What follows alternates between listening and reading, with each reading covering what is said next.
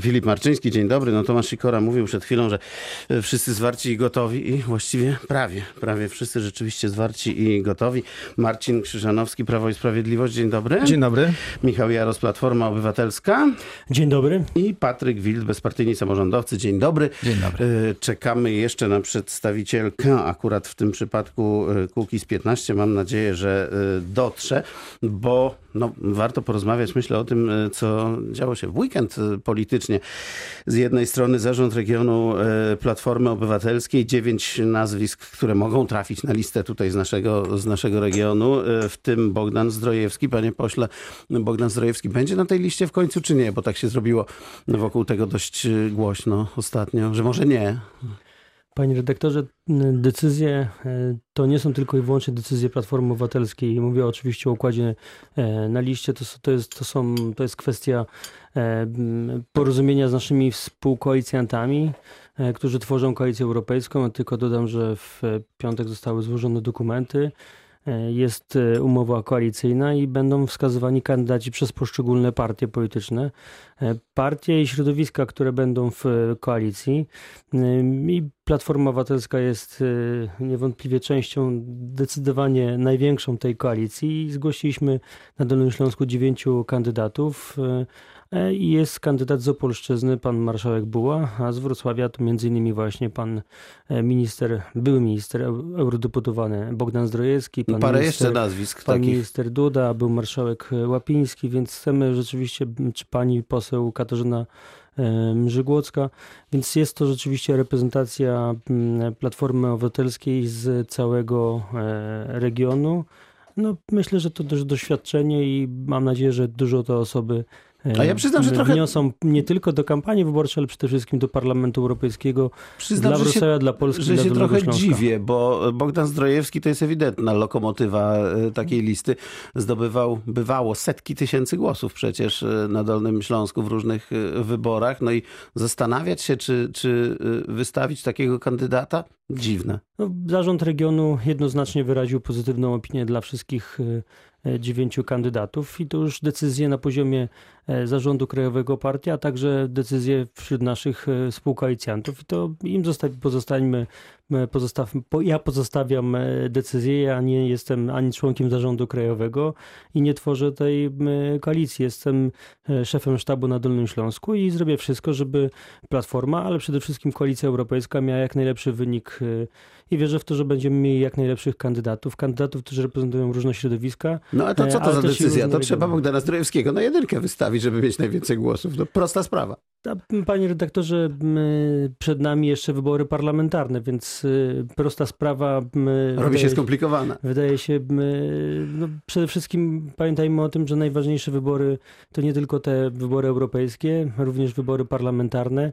E, Musimy mieć jak najsilniejszą, na- tak, tak silną reprezentację zarówno w wyborach europejskich, jak i w wyborach e, do Sejmu i Senatu. No, tak się składa, że wybory europejskie są pier- pierwsze, że wybory europejskie są tym takim ostatecznym sprawdzianem przed wyborami parlamentarnymi E, i tutaj też będziemy walczyli o jak najlepszy wynik, w związku z tym będziemy mieli jak najlepszych kandydatów na tej liście i mam Pan- nadzieję, że na niej znajdzie się najlepsza reprezentacja Platformy Obywatelskiej i innych ugrupowań politycznych, które tworzą Koalicję Europejską. Pan Marcin Krzyżanowski to się chyba cieszy, e, że Bogdan Zdrojewski być może nie wystartuje w tych wyborach.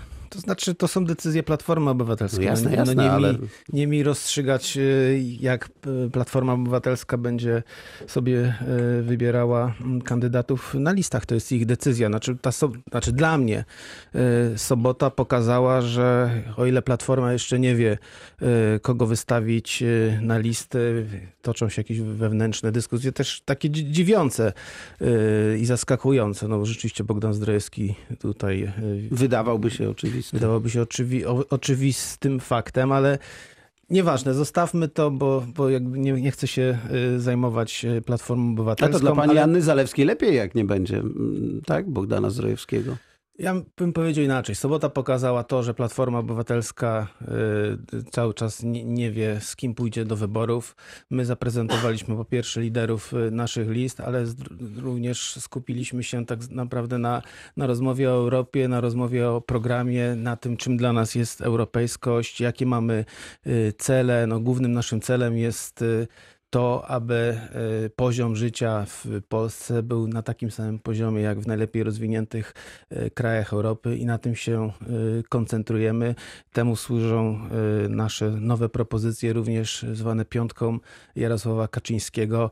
I o ile Platforma rozmawia o tym, kto znajdzie się na liście, my przekazujemy i pokazujemy y, Polakom, kiedy będziemy nasze, y, nasze propozycje realizować, bo piątka y, Kaczyńskiego to nie jest obietnica wyborcza, tylko to są postulaty, które zostaną wprowadzone już wkrótce, jak na przykład 500 plus na pierwsze dziecko już od lipca tego roku, czy dodatkowa emerytura od 1 maja, czy, no, ale jednorazowa zdaje się tylko w tym przypadku akurat jednorazowo, ale na przykład zwolnienie y, najmłodszych, tych młodych e, osób wchodzących na rynek pracy od podatku dochodowego, czyli mówimy tu o osobach do 26 roku życia, już jest okazji, nie, niejednorazowe pan, że i planują, że to jest, wprowadzić 1 października. Że to jest absolutnie niekonstytucyjne.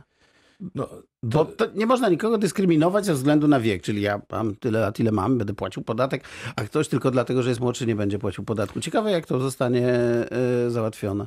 No wie pan co, no ale są, są, są takie, znaczy są grupy, którym jest łatwiej y, na rynku pracy i są grupy, którym jest y, trudniej. Te, te, te grupy, którym jest y, zwykle trudniej, zawsze są zwalniane czy, czy podatków, czy stawka jest no mniejsza, tak, czy, w ogóle są, czy w ogóle są wspierane, no chociażby, można, chociażby zatrudnianie pomagać, osób, tak. osób niepełnosprawnych. No, rolą państwa y, odpowiedzialnego jest to, aby tych słabszych wspierać. No, na tym polega solidaryzm społeczny i tak też Ale pytam bardziej o to, czy, czy, czy, tworzy, czy toczy się jakaś dyskusja wokół tego problemu?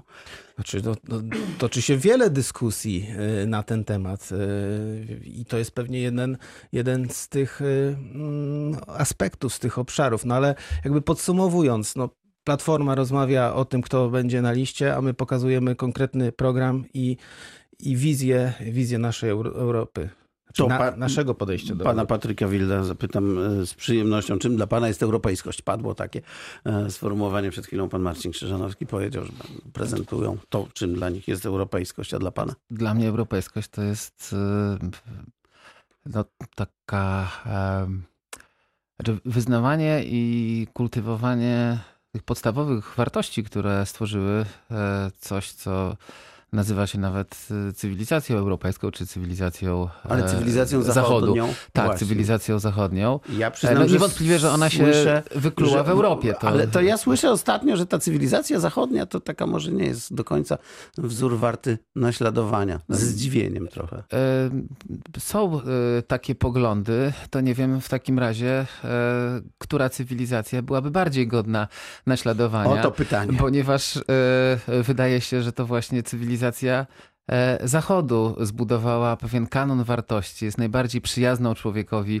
e, cywilizacją w dziejach w ogóle świata. I jeżeli popatrzymy na, na jej dokonania, zarówno w, dziedzinie kultury, w dziedzinie właśnie humanizmu, w, w dziedzinie stworzenia szans, rozwoju gospodarczego, to widzimy, że to jest cywilizacja, która poprzez te swoje fundamenty stworzyła najlepsze, e, najlepszy obszar dla rozwoju e, człowieka.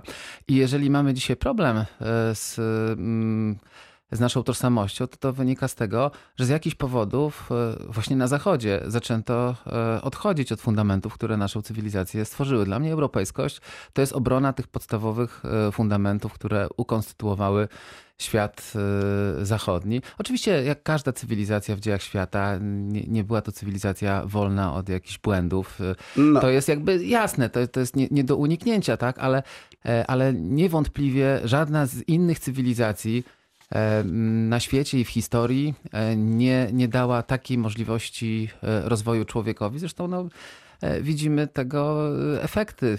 Bardzo wiele krajów, które dzisiaj się rozwija, rozwija się gospodarczo, kulturalnie, rozwija się dlatego, że przyjęła te wartości jako swoje i je no to po prostu e, właśnie kultywuje. No to proszę bardzo, cytuję teraz pewnego wysokiego urzędnika samorządowego dolnośląskiego. Samorząd województwa nie, nie zamierza przejść obok problemu obojętnie. Mamy prawną możliwość udzielenia wsparcia gminom i powiatom, jeśli jakakolwiek gmina zgłosi chęć realizacji programu leczenia niepłodności metodą in vitro, to z całą pewnością będzie mogła liczyć na nasze wsparcie i współfinansowanie przedsięwzięcia. Wysokość i charakter udzielonej pomocy będą e, zależeć od złożonego wniosku i e, możliwości finansowych budżetu województwa. To co napisał? Nie, nie mam pojęcia. Marszałek Cezary Przybylski 24 marca 2017 roku. I co będzie? E, Nie, nie wiem, czy będzie. Prawdę Ale jeśli moim będzie taka zdaniem, wola? Znaczy, moim zdaniem to nie jest, e, mówię tu oczywiście e, o swojej opinii, to nie Mhm. jest zadanie samorządu województwa. To nie jest e, nic, co wchodzi w zakres obowiązków samorządu województwa. Naszymi obowiązkami to są drogi, to jest transport kolejowy, to są szpitale specjalistyczne, a nie finansowanie sztucznego, bo to nie jest walka z bezpłodnością, tak, umówmy się, to jest po prostu finansowanie No to jest walka z sztucznego. bezpłodnością, z niemożliwością posiadania dzieci. E, To jest, y, to jest walk, to nie jest walka z bezpłodnością, to jest metoda sztucznego e, zapłodnienia. Nigdzie w ustawach o, o sam, ustawie o samorządzie województwa e, nie ma nawet sugestii, że to miałoby być zadanie e, samorządu województwa. Jeżeli byłyby takie e, propozycje, to ja bym był przeciwny, dopóki nie będziemy mieli wyremontowanych, e, co najmniej do czasu, aż nie będziemy mieli wyremontowanych dróg wojewódzkich, na których e, zabijają się kierowcy do czasu, aż e, nie będziemy wypełniali wszystkich tych rzeczy, które samorząd województwa ma wprost wpisane jako swoje obowiązki. Pan Michał Jaros, z tego co wiem, Platforma wystąpi o takie finansowanie. No tak, przede wszystkim w 2017 roku pan marszałek Przybylski to był ten sam marszałek, który dzisiaj jest e, marszałkiem województwa dolnośląskiego. Myślę, że ma takie same poglądy i takie same podejście, chyba że e, PiS e, narzucił mu pewien kaftan taki w tych kwestiach dotyczących na przykład in vitro i nie może dokonać żadnego, wykonać żadnego ruchu. E, Była deklaracja twarda marszałka Przybylskiego, że jeżeli będą samorządy, które będą e, realizowały program, re, realizowały program e, dofinansowania e, in vitro, to marszałek województwa dołoży do tego e, programu. I taka była deklaracja. Dzisiaj e, sprawdzimy, ponieważ e, w 2017 roku mieliśmy problem, żeby przeforsować ten projekt e, uchwały e, we Wrocławiu, we Wrocławskiej Radzie Miejskiej. E, Dzisiaj większość e, radnych e, zdecydowała o tym, że taki projekt będzie dofinansowany na poziomie Wrocławia i liczymy na wsparcie pana marszałka Przybylskiego. To jest również e, w jakim stopniu e, kwestia zdrowia. Zdrowia wrocławianek, wrocławian, ale też i zdrowia dolnoślązaków i dolnoślązaczek. I demografia. Natomiast Na demografia to już y, nawet o tym nie mówię, bo wielokrotnie przy programie 500 Plus pojawia się, pojawia się kwestia demografii. Natomiast jeśli chodzi o drogi e, i taką takie zaangażowanie m, koalicji e, PiSu i bezpartyjnych samorządowców e, w realizację e, programu. Zresztą to, to dużo mówić. Tsunami obietnic i, i, i środków finansowych, które miały przypłynąć na Dolny Śląsk, e, no, były bardzo imponujące. To do tego no, dzisiaj- dojdziemy jeszcze za, Okej, to, to, to, to do drogach jeszcze porozmawiamy. Za, za chwilę tylko chciałem prosić pana Marcina Krzyżanowskiego, żeby też odniósł się do tej e, deklaracji marszałka z 2017 roku, urzędującego marszałka. Czy ja może się odniosę do, do, do tego, co tutaj przed chwilą y, powiedział y, pan poseł. Czyli ja mam, ja to oceniam tak, y, jakby Platforma Obywatelska nie ma pomysłu, y, nie ma programu, w związku z tym ten cały spór y, polityczny postanowiło przenieść Odpowiem, na dobra. inny, inny poziom, Po poziom za takiej, takiego konfliktu światopoglądowego i na różne sposoby y, próbuje to, to wyciągnąć. We Wrocławiu, na Dolnym Śląsku to będzie spór na poziomie samorządu województwa dolnośląskiego e, o in vitro. W Warszawie to jest spór o kartę Wydaje LGBT. się, że w sobotę I- na konwencji zahaczano i- PiSu o i- sprawy światopoglądowe. No trudno, nie, trudno o nie nie, y, nie zahaczać, jeżeli się proponuje seksualizację dzieci y, w przedszkolach y, y, w Warszawie i, i trudno nie, nie, nie reagować na to, co się dzieje dookoła nas. Więc myślę, że to, to Platforma Obywatelska taki właśnie ma pomysł i, i niestety to wpychanie nas, zamiast rozmawiać na temat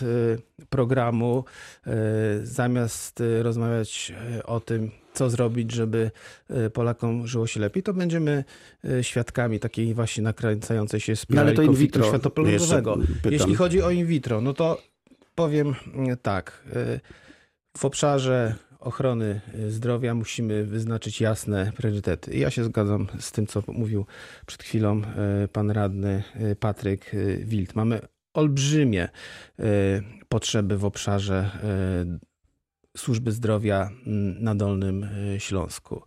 Onkologia, kardiologia, no mnóstwo y, wyzwań stojących y, przed nami i musimy, i musimy się określać, na co środki wydamy, a z czego zrezygnujemy. Ja nie jestem zwolennikiem również finansowania procedury in vitro ze środków samorządu województwa dolnośląskiego.